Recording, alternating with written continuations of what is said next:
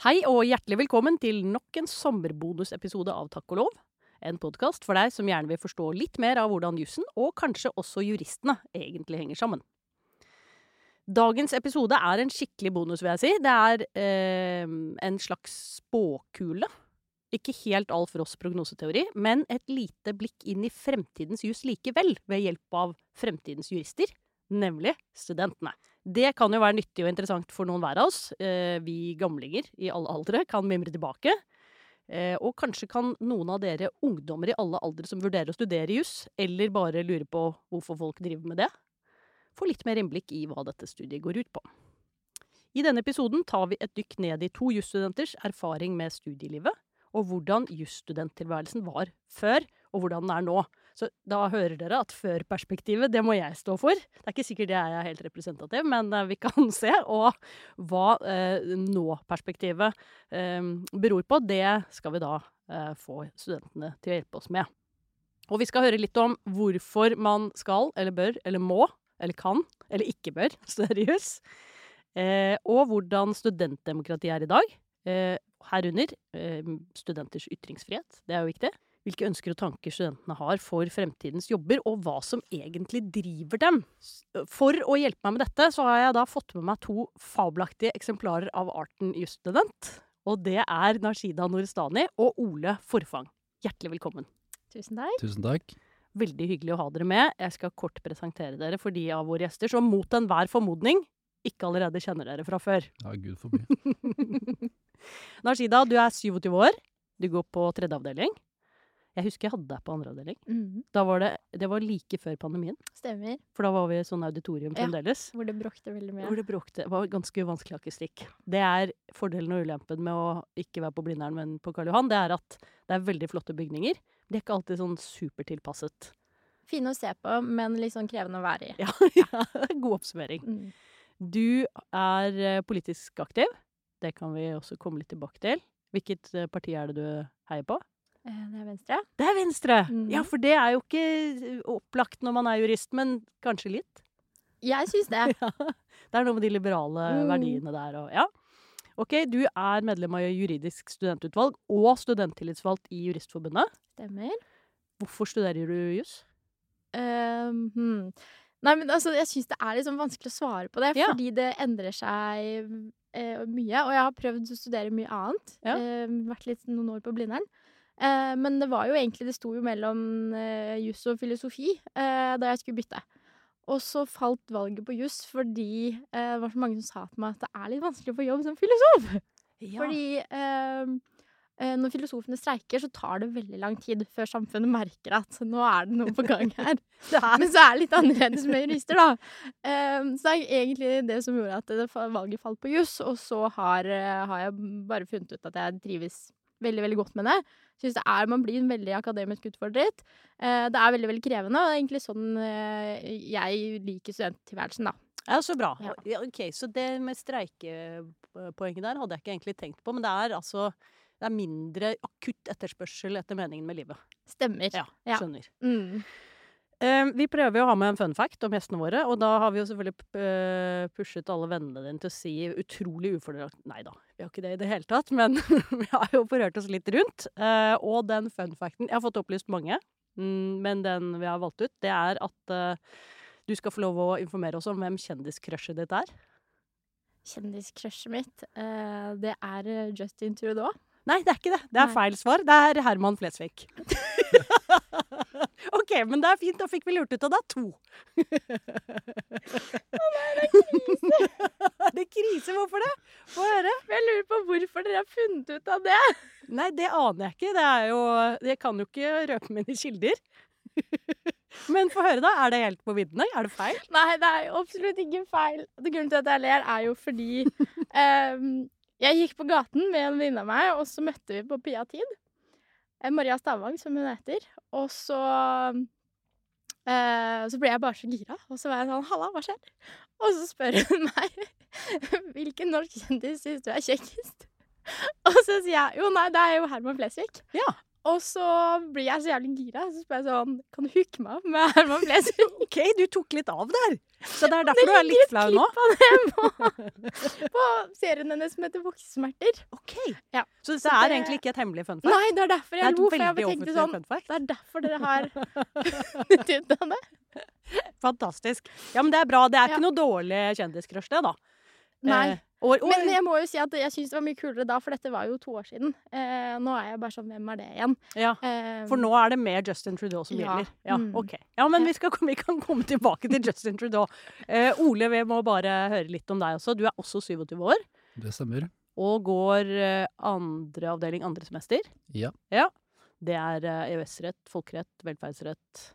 Det er Øh. ikke mye folkerett. Det hadde jeg forrige Nei, det er forrige semester, ja, Jeg stemmer. hadde forvaltningsrett, Forvaltningsrett, ja. miljørett og velferdsrett, og EØS-rett. Sånn er det, og du har akkurat tatt eksamen, du da. Ja, to dager siden. Sporty. Rett fra eksamen i pod. Yes, det var du som skrev eksamen min, så Nei, jeg bare administrerte Ja, okay. skribenten til eksamen din, men var du fornøyd med den? Ja. Det var eh, bra utfordringer. ja jeg syns det var fin, eh, fin oppgave. Ikke sant? Dette er hyggelig. Det er jeg glad for å høre. Du er eh, født og oppvokst i Oslo. Proffsyklist, står det her. Vært med i tre VM. Ja, det stemmer. Eh, to- Ett junior-VM og to U23-VM. Wow. Så det begynner å bli noen år siden det, men eh, ja, jeg var eh, proffsyklist i fem år etter videregående. Holder du på med det nå, eller? Ikke proft, kanskje, men Nei, eh, uproff eh, uproft. sykling. Ja, OK. Eh, Bare litt for trening. Bra. Du sitter i styret i ELSA. Hva er det for noe? Eh, European Law Student Association.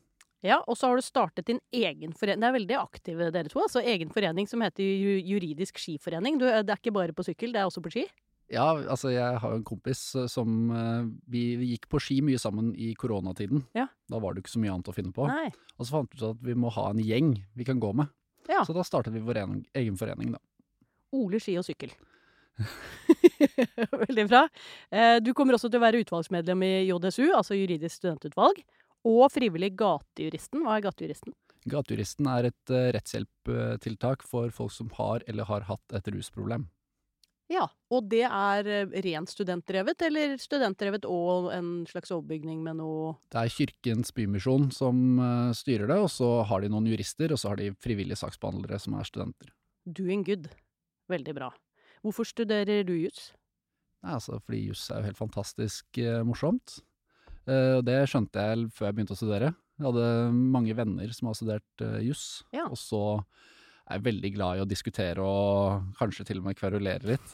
og da tenkte jeg bedre at eh, Peder Aas og Marte Kirkerud får lide seg gjennom det, enn at eh, alle vennene mine får det. Så da- Dette høres ut som en veldig god oppskrift. Eh, Hei, yngre husstandsmedlem der hjemme, hører du dette? Hiv deg eventuelt på denne trenden. Eh, Der er det folk som liker å bli kverulert med og diskutert med. OK. Eh, Fun fact om deg. eh, Der fikk jeg også litt å velge i. Men eh, det jeg har valgt ut som var veldig morsomt, det er at eh, du Og der føyer du deg inn i en veldig god trend, vil jeg si, i denne podden her. Du, i likhet med eh, ja, både tingrettsdommere og politijurister, så prøver du å bli kjendis på Twitter. Eh, Ja, eh, det stemmer eh, faktisk. Hvordan foregår dette arbeidet? Nei, det er en ganske ny greie, men jeg har jo på en måte sett på disse jurist-twitterne med stor eh, Hva skal jeg si? Jeg, jeg syns det har vært veldig morsomt å følge dem.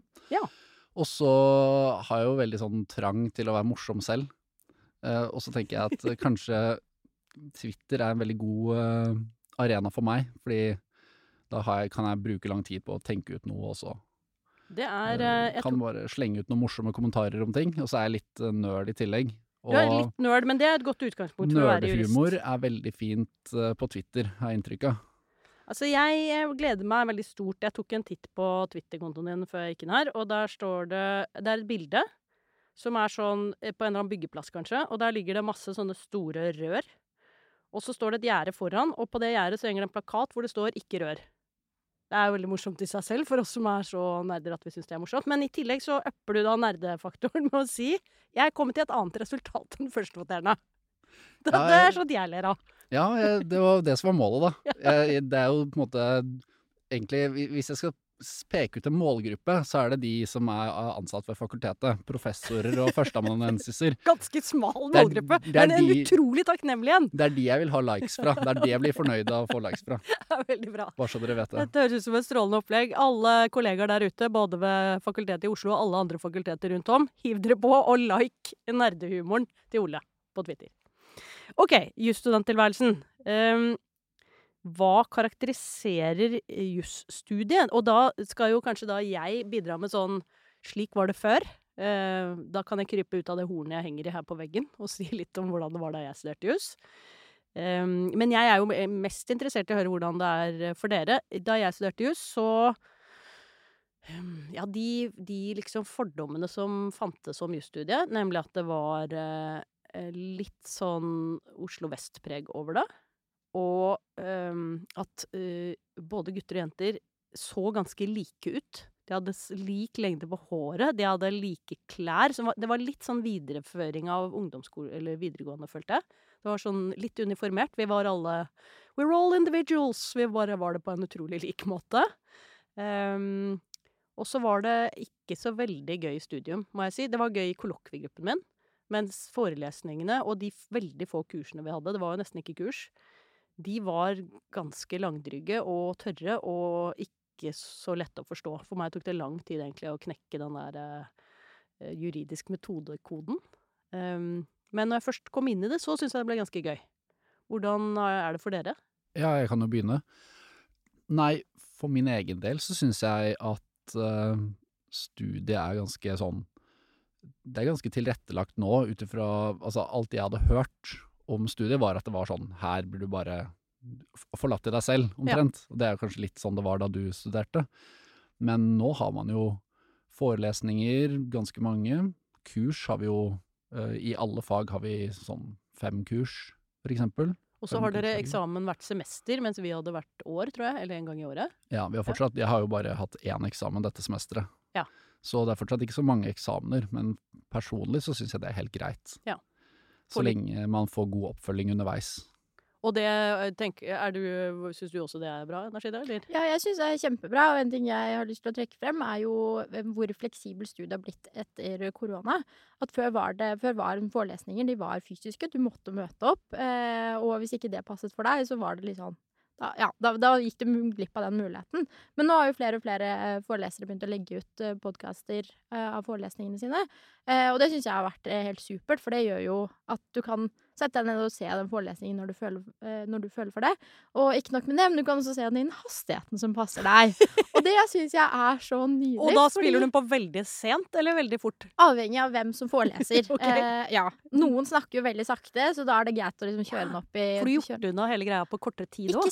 Veldig effektivt. Ja, og så kan man liksom ta bare litt sånn Det her skjønte jeg ikke. Man kan ta en pause, drive og liksom lete i, i bøkene og prøve å fordype seg i det. Og så kan man liksom hente seg inn igjen. Og det kan man jo ikke gjøre når forelesningen er live. Så jeg syns det har vært helt nydelig eh, supplement Ja, til, det- til Så bra. Dette er jo, mm. for, er egentlig så sier dere at det har blitt mye mer undervisning, og det tror jeg er helt riktig. Eh, men at den har vært litt lite fleksibel, men er blitt mye mer fleksibel, så da kan man tilpasse den. Så man får Mm. enda større valgfrihet. Jeg tror jeg, Nemlig. Grunnen til at jeg valgte juss, var at jeg ikke ante hva jeg skulle bli når jeg ble stor. Eh, og det gjør jeg ikke nå heller. Men da kunne jeg utsette det valget. Ikke sant? Ja, så Ja. Det, er det, det er en grunn til å studere juss. Man har mange valg, så man, man slipper å lukke mm. mange, mange rom i, Ja, absolutt. i livet på veien. Ja. merker når folk spør sånn Ja, har du funnet ut hva du har lyst til å jobbe med? Så sier jeg sånn Nei, det har jeg fortsatt ikke. Eh, og jeg tror ikke helt jeg kommer til å finne ut av det før jeg er ferdig. Eh, og ja, jeg, jeg syns det er veldig deilig å ikke ha en klar plan og vite sånn Dette skal jeg jobbe for hver dag, og det er dette jeg har lyst til å jobbe med. Ja. Men at det er liksom du utdanner deg til å kunne jobbe mye forskjellig. Hvordan er det for deg? Du, har du en klar plan, Ole? Jeg skal bli professor. Ja. Rett på. Ja da, ikke med en gang kanskje, Nei. men etter hvert. Samle litt erfaring først, og så sitte der inne og motta de kule tweetsene fra kidsa som har lyst til å imponere Ja, så blir den, best, den, den kuleste professoren på fakultetet, selvfølgelig. Det er jo en fantastisk plan. Jeg eh, hadde heller ingen plan, eh, verken gjennom studiet. Jeg visste litt om hva jeg ikke skulle gjøre. Så jeg skulle i hvert fall ikke bli sånn forretningsadvokat. Så det ble jeg. Eh, og sånn har det i grunnen vært det videre også. Ikke helt klare planer. Men eh, det bare slo meg da du sa det der, Nashida, med å høre på som podkaster. For det fantes jo ikke da jeg var eh, ung. Da skrev vi jo på steintavler fremdeles. Ja. Men jeg husker veldig godt at jeg hadde tirsdager og torsdager var det et radioprogram. Jeg tror kanskje det var på P3. eh, Som var en litt sånn nysatsing på den tiden. Det var jo ikke så mye som var innrettet mot eh, oss unge. Um, og da hadde jeg en gul Walkman, som var det liksom Det var veldig fancy på den tiden. Som også hadde radio. Og da tirsdager og torsdager så var det et program som het Irma 1000 med Kari Slottsveen og Barbara Øyan. Som varte i to timer. Og da syklet jeg til Kikkut og hørte på det programmet. Det var så, jeg tror det var sånn jeg overlevde studietilværelsen, egentlig. Det handlet jo ikke om studiet i det hele tatt, da. Men det handlet om å høre på noe. Mm. Så vi kan jo møtes i de tingene vi Ja, kan møtes i. Ok, veldig bra. Eh, en studiehverdag på jussen, hvordan ser den ut? Eh, For min del så er det jo veldig variert. Eh, eh, Det kan Altså, jeg legger, opp dagen ut ifra om jeg skal jobbe eller ikke. Eh, og så er det litt sånn eh, For du jobber i tillegg? Ja, Ja. stemmer. Jeg jobber i Norsk psykologforening. Oh, ja. I eh, jus- og arbeidslivsavdelingen deres. Oh, ja. mm. Hvor mye jobb er det i løpet av uken, da? eh, tre timer. Og da har du en dag hvor du jobber litt, eller Ja. sånn? Ja, Og Mhm. så må du tilpasse litt forelesninger og kurs, kanskje? Eller? Eh, så da har jeg meldt meg opp til kurs når jeg ikke jobber. Ja. Eh, og så ser jeg forelesninger når det passer meg. Så ofte er det liksom på kvelden, da, hvor Ja. jeg kjenner at nå skal jeg sette meg ned og Da har du god arbeidstid. eh, Og da har jeg liksom Da har jeg gjort klar det arbeidsstasjonen min, hvor jeg har, jeg har PC-en min, og så har jeg en ekstra skjerm. Ja. Og så har jeg iPaden min, hvor jeg skriver på, eller ser på Har liksom forelesnings-powerpoints. Ehm, og så sitter jeg der og, og jobber eh, hjemme. Ja. synes det er veldig deilig. Og du, Ole? Jeg har litt samme. Jeg har jo ikke Jeg jobber ikke da, men jeg har jo mye ting jeg driver med utenom som Ja. tar tid. Så det fleksibilitet er egentlig veldig behagelig, og det jeg har innsett Jeg har jo bare studert under korona, det er jo først nå at det ikke har vært korona siste semesteret nå. Ja. Så jeg måtte jo tilpasse meg det veldig. Og det gjorde at jeg kjøpte meg en sånn ekstern skjerm og masse sånne ting jeg kunne ha på type hjemmekontor, da. Nå er jo da jeg bor på så lite sted at hele At det er hjemmekontor egentlig er lik hele Ja, hybelen. Der, der er vi to. Jeg vet ikke, jeg bor på 23 kvadrat. Det er kjøkken, stue, soverom og hjemmekontor i ett. Mm. Ja, det er jo veldig praktisk. Kjempepraktisk. Ja. Fordi Ja. jeg, har liksom, jeg har kjøkkenet bak meg, så jeg kan jo bare snu meg og, hente ut Pepsi Max fra kjøleskapet, og så snu meg tilbake igjen. Ja, men, eh, men jeg eh, har egentlig nesten Altså jeg vil ikke si at jeg har slutta med det, men jeg har i hvert fall kuttet veldig ned på lesesaltiden min. Ja. Fordi jeg syns det er mye mer behagelig og mye mindre forstyrrelser hjemme. Fordi man har jo lyst til å prate med folk man kjenner, eller ta sånne lange kaffepauser i kantina og sånne ting. Og det slipper jeg hjemme. Så Ja. da, og så kan jeg sitte på Zoom for eksempel og ha kollokvie eller noe sånt. Og det funker greit å gjøre på skjerm, syns du? Jeg syns det funker kjempebra, i hvert fall hvis man er ikke for mange. Ja. Men jeg har én, han jeg starta juridisk skiforening med. Vi eh, går jo på samme kull, og vi sitter jo og jobber sammen nesten hver eneste dag. Men dere går ikke på ski på Zoom? Vi går ikke på ski på Zoom, det kunne vi jo gjort, da, faktisk. Kanskje det er det er det neste. Men det, okay, det, er- så det er egentlig veldig mye som har endret seg også av korona her, hører jeg. Fordi Mm. ehm, Altså, det er veldig annerledes fra da jeg gikk på jussen, for det var jo ikke digitalt. Ingenting var digitalt. Vi hadde jo ikke Altså, alt var papirkilder. Det fantes jo ikke noe lovdata eller noen ting. Jeg tenker at dere skrev eksamen for hånd. Det syns jeg Vi skrev eksamen for hånd, ja. Ja. Men det gjorde vi jo nesten nesten i 2012, gjorde det? Gjennomslagspapir med sånne grønne små hyssingbiter med sånn metall i hver ende som du tok gjennom de hullene, sånn at de skulle henge sammen. Mm. Nei, det var en annen tid. Og så var det å være før klokken åtte, så var det kø utenfor gamle privatrett, som var en av det, var den lesesalen jeg leste på. Eh, og der var det sånne strenge sånne lesesalskutimer Det er det sikkert ennå, da, man ikke tar plasser Man prøver å sitte en, sitte en sånn ledig plass mellom hver, så man ikke sitter for tett på hverandre og sånn. Det funket jo aldri, for det var jo altfor mye trykk. Og så var det, hvis man skulle ta en lur, så var det om å gjøre ikke snorke. Og så kunne man sove med hodet på lovsamlingen, og så kunne man komme ut med sånn omvendt riksløvetrykk på kinnene. Det synes jeg er litt sånn Det er en av de kjipe tingene med at man har sluttet med lovsamlingen. For det var litt kult om, om studenter for gikk med disse merkene. Ja, og gikk og bar på det der liksom det emblemet som Ja, den Det lovsamlingen var. husker jeg veldig godt fra da jeg gikk på Blindern. At det var litt sånn For da jusstudentene hadde eksamen, så ble jo lesehallene brukt til eksamenslokaler. Ja. Så da flyttet jo hele juridisk fakultet opp til Blindern. og tok over lesehallene både på SV-bygningen og eh, eh, Universitetsbiblioteket. Ja. Eh, og måten vi la merke til det på, var jo at det, ble plutselig veldig mange av disse røde bøkene overalt. Og, og det var liksom så fascinerende å se på hvordan de bare holdt disse bøkene veldig sånn stolt. Så sånn, Og en egen måte å holde den ja, jeg har Ja. ikke lyst til å være her, men dette er liksom det som legitimerer Jeg må bare. Ja. ja. ja. min grunn til å være. Så bra. Eh, disse jobbmulighetene, eh, hva slags jobber eh, Dere har sagt eh, du har en plan og skal bli professor, veldig bra, og kanskje skal gjøre noe på veien dit. Du har ikke noen plan. Er det noe eh, Hva slags jobber er det folk studerer juss for å få? Har dere inntrykk av? Altså en ting er dere selv, men sånn Hva er det som gjelder på jussen i dag? Mm, mitt inntrykk da jeg begynte, var at det var Man var liksom Sånn grovt sett, man kunne kategorisere disse studentene i to grupper. Det ene var folk som visste allerede at de skulle bli forretningsadvokat, skulle liksom jobbe bak i brygge. Og så var den andre gruppen, det var disse idealistene Ja. som begynte på studiet, og så var det liksom menneskerettigheter. De skulle redde verden, og de skulle liksom kjempe for alle de som ble utsatt for urett. Eh, men jeg tror de fleste modererer seg litt underveis i studiet, og skjønner at det, det, er, det finnes flere muligheter. Og så tror jeg de idealistene blir litt mindre idealister, for de får et sånt møte med realiteten hvor de er litt sånn Å ja, det var litt mer komplisert enn som så. Eh, og så tror jeg at disse forretningsjuridiske folkene også kanskje får litt mer øynene åpne for at det fins mange muligheter eh, for å nå dit. At det ikke bare er litt sånn du jobber ræva av deg i fem år, og så eh, får du en fet eh, jobb på Aker Brygge, men at de skjønner at det fins mange andre måter å komme seg dit på. Ja. Så realistene nærmer seg idealistene, og omvendt. Helt riktig. Eh, har du, hva, hva tenker du om dette? Du skal jo bli professor, så du har jo på en måte en klar vei. Er det er ditt inntrykk at du går med mange folk som tenker sånn, det skal de bli? Nei, jeg tror jeg er den eneste, eneste som tenker at jeg skal bli professor, i hvert fall en av få. Ja. Eh, Men eh, jeg syns jo egentlig at det som er morsomme med jussen, er jussen. Altså, jeg liker å sitte og tenke på juridiske problemstillinger. Og da tenker jeg, der må jo det å være jobbe på i akademia må jo være perfekt Hva er, det som, det, hva er det som tiltaler deg med det? Er det, er det på en måte oppbygningen av det? Er det språk? Er det den der blandingen av logikk og skjønnsutøvelse, eller hva? Det er kanskje sånn Jeg liker å mene ting. Ja. Og man, man kan mene mye.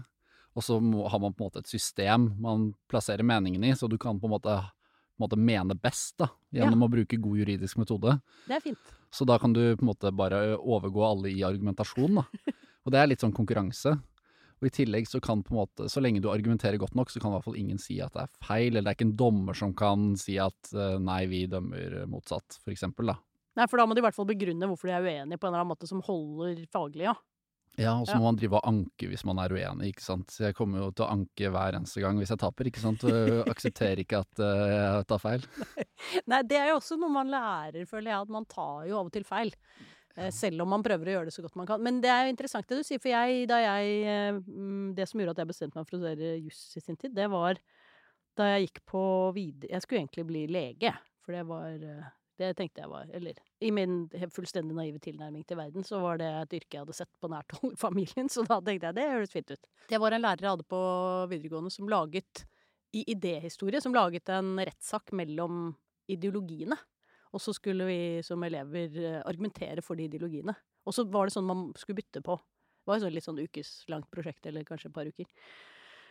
Og da slo det meg at det der å argumentere for noe, det trengte ikke å bety at du trodde på det du argumenterte for. Altså at du støttet det sånn verdimessig selv. Det var egentlig om å gjøre å bare finne de beste argumentene for en sak, liksom.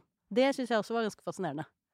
Det er jo litt kanskje det du sier noe om. Ja, ja. Ja. Jeg er helt, helt enig. Det er bare det å Man kan alltid eh, vri eh, argumentasjonen til å passe det man selv mener. Finne Ja. en litt generell uttalelse, og så få den til å passe inn i det, din argumentasjonsrekke. Hvilke, hvilke muligheter er det studentene ser på? Altså En ting er forretningsadvokat, da, det er jo nærliggende. Det er eh, interessant og morsomt og utrolig krevende, og man tjener masse penger, så det er mange drivkrefter til det. Men hvilke andre typer jobber er det som er kule? Er det ja, mitt inntrykk er at det er mange som kunne tenke seg å jobbe i f.eks. departementer, da. Um, søsteren min for eksempel jobber i Fiskeridepartementet. Ja. Hun er nylig ferdigutdannet fra UB. Og det er, mitt inntrykk er at det er en veldig ålreit sted å jobbe. Der får man mye spennende arbeidsoppgaver og egentlig fra start, da. Ja. Og så er det en sånn fin mulighet som et startpunkt, da, før man kan gjøre mye annet. Trene. For det er jo et sånn Studiet vårt er jo egentlig en slags blanding mellom vitenskapelig og praktisk. Mm.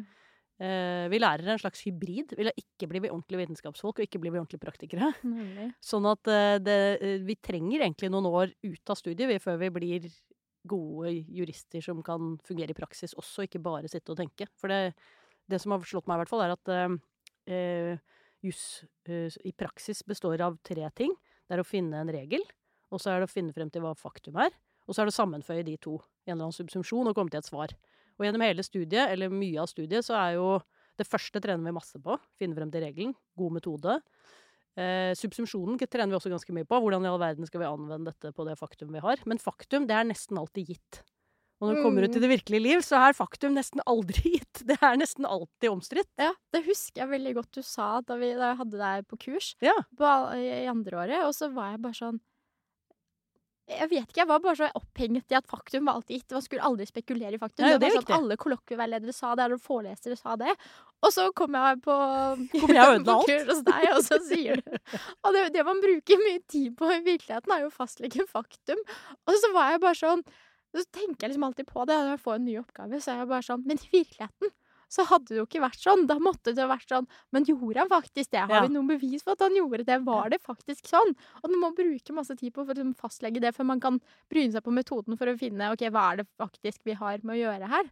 Um, så Så jeg har liksom- komplisert studiet ditt forferdelig, egentlig. jo, men jeg synes egentlig det Jeg satte egentlig pris på det, for det gjorde at jeg liksom tenkte mye mer på hvorfor det var sånn. Ja. Eh, hvorfor har, har man liksom eh, for jeg tenker at Grunnen til at man har eh, bestemt seg for å si til studenter ikke spekulere i faktum, er jo fordi at man har en tendens til å gjøre det, for man vet at virkeligheten er mye mer komplisert. Ja.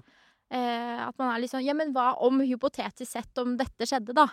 Og så blir det liksom «Ja, Men det blir så komplisert, da kommer man ikke frem til noe her. Men det er interessant, for det er jo, du sa du hadde vurdert større filosofi. Ja. Eh, I filosofien så opererer man jo også med sånne gitte faktum. Sånn 'dette er situasjonen'. Mm. Det en, eh, en, eh, en trolley kjører nedover en ja, Ikke sant? Eh, så da må man jo forholde seg til gitte faktum, og det tenker jeg er en ganske god øvelse da, for å tenke eh, For nettopp ikke å spekulere i faktum. Det bare slår meg at det, er en del av jusstudiet vi ikke får så mye trening i. Men du snakket om gatejuristen som du skal jobbe i, og så har vi Jussbuss og JURK. Det er jo flere sånne studentinitiativer for å drive med rettshjelp. Mhm.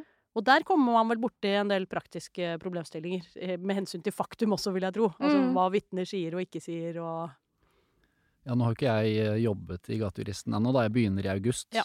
Så jeg kan jo ikke si hvordan det er, men eh, det var jo en av de tingene jeg tenkte som var grunnene til at jeg hadde lyst til å jobbe der, i tillegg til at det er en veldig fin ting å drive med, Ja. fri rettshjelp. Men, men det å ha muligheten til å faktisk få prøvd litt ting i praksis, da, se hvordan det virkelige liv som jurist er. Og det å få inn en klient, og så må de forklare hva er saken, ikke sant. Da Mm. må man jo redegjøre for faktum og finne ut hva det er. Og det, det syns jeg virka veldig spennende. Det er noen flere tilbud eh, som ikke fantes så mye av da jeg var liten, holdt jeg på å si. Eh, ehm, sånne trainee-opphold. Mhm. Hvor ofte driver man med det, og hva går de ut på?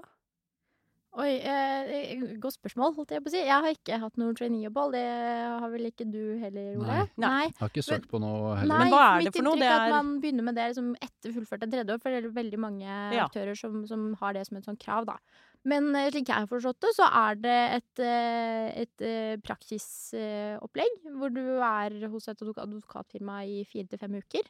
Eh, og så får du masse oppgaver og mulighet til å bli kjent med, med firmaet, eller om det er eh, eller om det er i det offentlige. Eh, og så får man vært med, vært en del av det miljøet. Mm. Og så får man også betalt. Ja, såpass, ja. Ja, Dette så det høres jo bra ut. Gull i ørene på en student. Ja.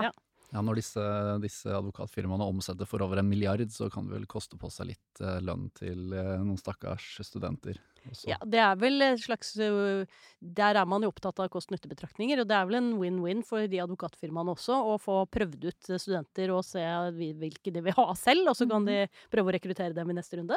Ja, men for å ta det, da, så er inntrykket mitt er vel at det er ganske mange som drar på traineeopphold, men det er veldig varierende hvor mye. Noen drar kanskje på to eller tre, Ja. Mens eh, jeg vet om mange som har eh, på en måte bare pauset studiet et semester, og så bare er på traineeopphold etter traineeopphold i et helt semester. Mhm. Ja, sånn, ja. Og bare kjøre en lang rekke med traineeopphold da, for å teste ut egentlig mest mulig og bredest mulig. Mhm. Og når det er sagt, da, så jeg er litt sånn Jeg har vært vel selv litt sånn tvilsom til, til de som tar pause fra studiene et halvt år for å ha fem traineeopphold etter hverandre. Og så jeg ser for meg for det første må være veldig slitsomt. Mm. Eh, men du pauser jo også studiene et halvt år, og da var det en eh, snakket med en eh, senioradvokat i et eh, firma som sa det, at han i retrospekt tenkte at eh, hvis han hadde brukt et halvt år da, på å ha fem-seks eh, traineeopphold, så hadde jo ikke han fått den lønnen han hadde fått hvis han hadde fullført på vanlig tid, da. Og så hatt et halvt år med vanlig lønn. Og det tror jeg ikke veldig mange studenter tenker over. Nei, det var den det- den siden. Men, så man tjener bedre tross alt som ansatt enn som trainee, eller? Ja, for jeg tror man får sånn rundt 200 i timen cirka. Altså noen har timelønn, mens Ja. andre får en sånn fast, eh, fast eh, sum. Jeg skjønner. Eh, og det var en sånn ting jeg ikke tenkte på, da, for det er veldig sånn typisk oss studenter som, som tenker veldig sånn kortsiktig om en her og nå. Men sånn som hadde vært gjennom det, var liksom, men i retrospekt så skulle jeg ønske at jeg ikke gjorde det, fordi hadde jeg liksom blitt ferdig et år et halvt år tidligere, så hadde jeg på en måte tjent mye mer penger. Ja. Og det syns jeg var liksom Det var veldig Ja, mm, det er jo ulike tilnærminger til verden, tenker jeg. Veldig Eh, pragmatisk uh, tilnærming, det Hadde man latt være å studere, gått rett ut i en godt betalt uh, håndverkerjobb, så kunne man jo antakeligvis tjent mye mer igjen på det Mm. også. Men Så- et annet uh, poeng han hadde, var jo at veldig mange av disse firmaene er jo helt like. Han sa jo sånn, vi har jo helt like møbler, altså alt er jo helt likt, det er bare navnet som er ulikt. Så hvorfor skal du ha fem opphold hos helt like firmaer hvor alt er liksom, det er nye mennesker da, og kanskje nye, nye klienter, men alt annet er helt likt? De er like individualistiske og ufattelig kreative som uh, arkitekter, som bare helt tilfeldigvis alle går i sorte øyehalser og har like briller. Ja, Uh, og lager like hus. Um, OK, dette var veldig interessant. Jeg eh, Det var jo ikke noe sånn eh, praktik, praktiske muligheter, egentlig, annet enn de man tok på seg som student da jeg var eh, studerte. Jeg, men jeg jobbet som sånn kveldssekretær i det firmaet jeg senere endte opp i. Og så hadde jeg noen sånne sommeropphold, og så hvordan var det da? Jeg var vel kanskje ferdig til jul, jeg. Og så hadde jeg et halvt år igjen før jeg skulle ta en master i USA. Og da jobbet jeg eh, som trainee, eller praktikant, eller hva det het. Og det fant jeg ut etterpå, eller for sammenlignet meg med de der advokatfullmektigene som var helt ferske, da, det var jo at jeg tjente jo mye bedre med den timelønnen enn man gjorde på fastlønn som, eh, som advokatfullmektig. Fordi man jobber så ufattelig mye. Nemlig. Ja, så brukket ned på timer, så ble det egentlig sånn cirka Rema 1000-lønn på de unge advokatfullmektigene. Ja. Jeg har, eh, jeg har en eh, kompis som hadde bedt om fersk lønnsstatistikk fra Advokatforeningen. Ehm, og der, eh, der avdekket jeg akkurat det samme. At du kan jo si at det, hvis man sier man jobber 1850 timer i året, og så tar man en årslønn og deler det på det, så får man en ganske grei sum. Uh, men tatt i betraktning at veldig mange advokatfullmekter jobber mange, mange flere timer enn det, så kom snittet på 233 kroner i timen. Ja. Sånn er det. Mm. Vi må øh, nærme oss landing, men jeg lurte på øh, Vi øh, er jo veldig hva skal vi si, eh, Oslo-elite-preget her i dag. Vi er, alle er fra Universitetet i Oslo. Mhm. Eh, Det fins jo utmerkede juridiske fakulteter i, mm, på universiteter i Trondheim og Nei, i, eh, i Bergen og Tromsø. Og så er det flere jusutdanninger andre steder etter hvert også.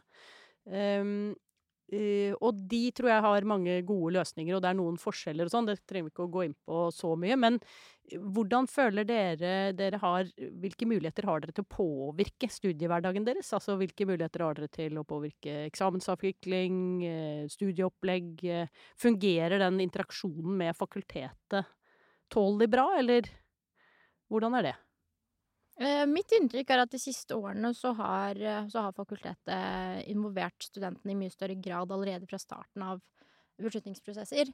Eh, og vi var jo veldig involvert da korona inntraff, og man skjønte at man ikke kunne avvikle eksamen eh, i Sulurveien, på, altså skoleeksamen, da, Ja. eh, i de lokalene. Eh, så da ble vi, altså når jeg sier vi, så mener jeg juridisk studentutvalg som representant for studentene, ble involvert eh, gjennom hele prosessen. Eh, og da gjennomførte vi en undersøkelse hvor vi spurte studentene hva, hvordan ønsker dere at eksamen skal være. Og da fikk vi hele 900 svar. Og det var, er veldig, u, u, veldig spesielt at vi klarte å få så, mange, så, stort, eh, så stor oppslutning rundt den spørreundersøkelsen. Eh, men eh, Og da ville flertallet ha eh, eh, Hjemmeeksamen. Nei, ikke hjemmeeksamen. Man vil ha bestått, ikke bestått. Ja, altså, for. For, å, for å sikre forutsigbarhet, og at det var en helt ny situasjon vi ble eh, dyttet inn i noen midt i Ja. semesteret. Eh, men eh, Og så har man jo studenter i disse eksamensutvalgene som lager eksamen, for å sikre at eh, det som blir skrevet i de eksamensoppgavene, er forståelig. Mm. Eh, og så sitter, sitter det jo studentrepresentanter i, eh, i de ulike instituttrådene. Sånn at man har jo studentrepresentanter eh, der hvor det er relevant. Eh, men om man får en reell innflytelse, det syns jeg er litt vanskelig å uttale meg om. Fordi eh, man er jo så fersk som student, vet Ja. ikke helt om kan du sitte der på instituttrådet på offentlig rett og være litt sånn hei, hei, jeg går i tredjeåret og skal være med her. Og så kan man liksom fort føle seg som en sånn jeg sitter her fordi det er et krav om at de må ha Ja, sånn, ja. Vi må ha med henne. Ja, Ja, ikke sant? Eh, uten at eh, det har så mye å si for virkeligheten, da. Ja. Nei, jeg eh, har på en måte ikke Jeg skal jo inn i JSU, men jeg har ikke klart å sette meg så inn i hvilken påvirkningskraft man egentlig har. Men sånn generelt så virker det som at hvis studentene først på en måte samler seg og går inn for å få noe gjort, så kan det hende at eh, fakultetet lytter på sånn veldig akutte saker særlig, da, sånn som har vært en del av nå med korona og sånn. Men, eh, men eh, det er jo ikke så veldig hemmelig at uh, jusstudiet er ganske sånn tradisjonelt og tilbakeholdent, og jeg vet ikke Jeg tror nok det har noe med at man har lyst til å holde litt igjen, da. Man Ja. er ikke sånn veldig på Nei, vi er jo litt iboende konservative. Ja, man er ikke så veldig progressive. Nei, det er Eh, riktig. Sånn at ting kan gå litt sakte, med mindre det plutselig er noe som får ting i gang, da. Det ligger jo litt i jussens vesen at man er tilbakeskuende, på en måte. Fordi du ser hele tiden på kilder som, har, som fins fra før, og holder dem opp mot kilder som fins fra før der igjen. Mm. Eh, Så det er jo en litt sånn konservativ eh, blikkretning. Um, Men eh, eh, hvordan er det eh, Gjenspeiles den konservatismen i studentmassen? Du snakket om at du var engasjert i Venstre, tror jeg mange jurister egentlig er. Eh, Det var en sånn undersøkelse nylig fra Institutt for samfunnsforskning som viste, ikke blant studenter, men blant eh, akademikere, at eh, i samfunnsfagene så er akademikere veldig mye mer rød-grønne enn resten av befolkningen. Hva er deres inntrykk av de politiske preferansene i studentmassen? Jeg tror kanskje Høyre hadde fått flertall hvis det hadde vært skolevalg. Ja. Men det kan jeg ikke si. Jeg kan ikke si det veldig sikkert, men jeg tror kanskje det. Det hadde blitt en, som høres rart ut for utlendinger, en høyre-venstre-koalisjon, Ja, kanskje? sannsynligvis noe sånt, tenker jeg. Ja, jeg er litt usikker, fordi uh, mitt inntrykk er, er at uh, disse idealistene snart, snak, snakket om i stad, er veldig gjerne venstreorienterte. Og ikke da partiet Venstre, men venstresiden av norsk politikk. Ja. Uh, og de begynner å bli en del av på, på studiet. ja, de har Eh, infiltrert oss! De har det, Oi. rett og slett. Uh, veldig mange jeg kjenner som, som stemmer SV, og som, som stemmer Rødt også på, på jusstudiet. Og, og det syns jeg egentlig er, er veldig forfriskende. Men jeg er, men jeg er litt, i motsetning til Ole litt usikker på om det hadde vært Høyre som hadde eh, fått flertall. I hvert fall ikke i Oslo, men kanskje i Bergen. Det hadde vært litt interessant. Ja. Ja, det er jo alle Mhm. Oslo vest- og Bærumsfolk Ikke studerer jo i Bergen, faktisk. Å ja, hvorfor det? Nei, det må du spørre dem om. Ja. Jeg skjønner ikke hvorfor man er skulle flytte fra Oslo. Ja. Men hva er inntrykket? Er... Ja, er, sånn ja, eh, at de må liksom ut og, og prøve seg i den virkelige verden. Ja, at det er liksom to, to altså, Dels fordi de vil ut av Oslo, eller ut av eh, Oslo-Bærum. Ja. og dels fordi det er kanskje Det er jo litt lavere snitt i Bergen, da. Ja, nettopp. Eh, Ja. Og også Eller jeg vet ikke helt om dette har noe å si, da, men i Bergen så har de et annet studieløp enn det vi har i Oslo. Der er det mer oppfølging og med flere obligatoriske elementer i, i studiet. Ja, jeg hørte liksom eh, bare skryt ja, av den bergensmodellen fra de studentene jeg har snakket med, i hvert fall. Mm. Men Så det eh, kan hende at det er flertall som, som ønsker det. Men, Ja. Eh, men det er jo også Bærumsfolk som velger seg til Oslo fordi de vil ha den, den friheten og fleksibiliteten vi har i Oslo. Ja. Mm. de, de kommer seg helt fra Bærum til Oslo. Faktisk. Og ut i den store verden. Ja. Ikke til Norges egentlige hovedstad, som jo er Bergen. Dette må vi bare understreke gang på gang. eh, vi må gå inn for landing. Em, jeg ber jo ofte gjestene mine om å ha med en liten, en liten historie. Mm. Har du hørt? Eh, Hva er det våre, nei, hva er det lytterne våre burde ha hørt fra dere to? Eh, kan jeg begynne? Ja. ehm, min historie er fra jeg tror det var i 2020. da korona inntraff. Eh, og så hadde vi i JSU da, vi hadde liksom veldig mange møter hvor vi jobbet veldig intensivt med, med den undersøkelsen vår, og hvordan vi skulle liksom eh, følge opp alt, eh, alt vi ble involvert i. Og så, så var liksom april rundt hjørnet, da, og så satt jeg liksom hjemme der og tenkte sånn eh, Det hadde vært litt gøy om vi liksom midt oppi dette alvoret klarte å fikk, få i gang en morsom aprilspøk. Eh, og så hadde det vært liksom, enkelte ganger hvor vi i JSU hadde vært liksom, hadde vært egentlig veldig, veldig ideelt om juridisk fakultet ble juridisk universitet. Ja, Eh, Slippe alle de andre tullete fagene fagene som bare forstyrrer. Ja, Alle ikke-juristene. nemlig. Eh, så det vi gjorde, var at vi kontaktet Universitas, og så, så, så sa vi at eh, har dere lyst til å være med på en aprilspøk? Og det hadde de lyst til. Så vi pitchet inn ideen, og så lagde de en overskrift, og så fikk de søren meg med, med seg Svein Stølen, rektors, rektor. Ja, Jos han er jo rektor. Ja. Som var litt sånn Ja, dette har jeg fått høre, og de uh, jur, altså, Juridisk fakultet ønsker å bli et eget universitet.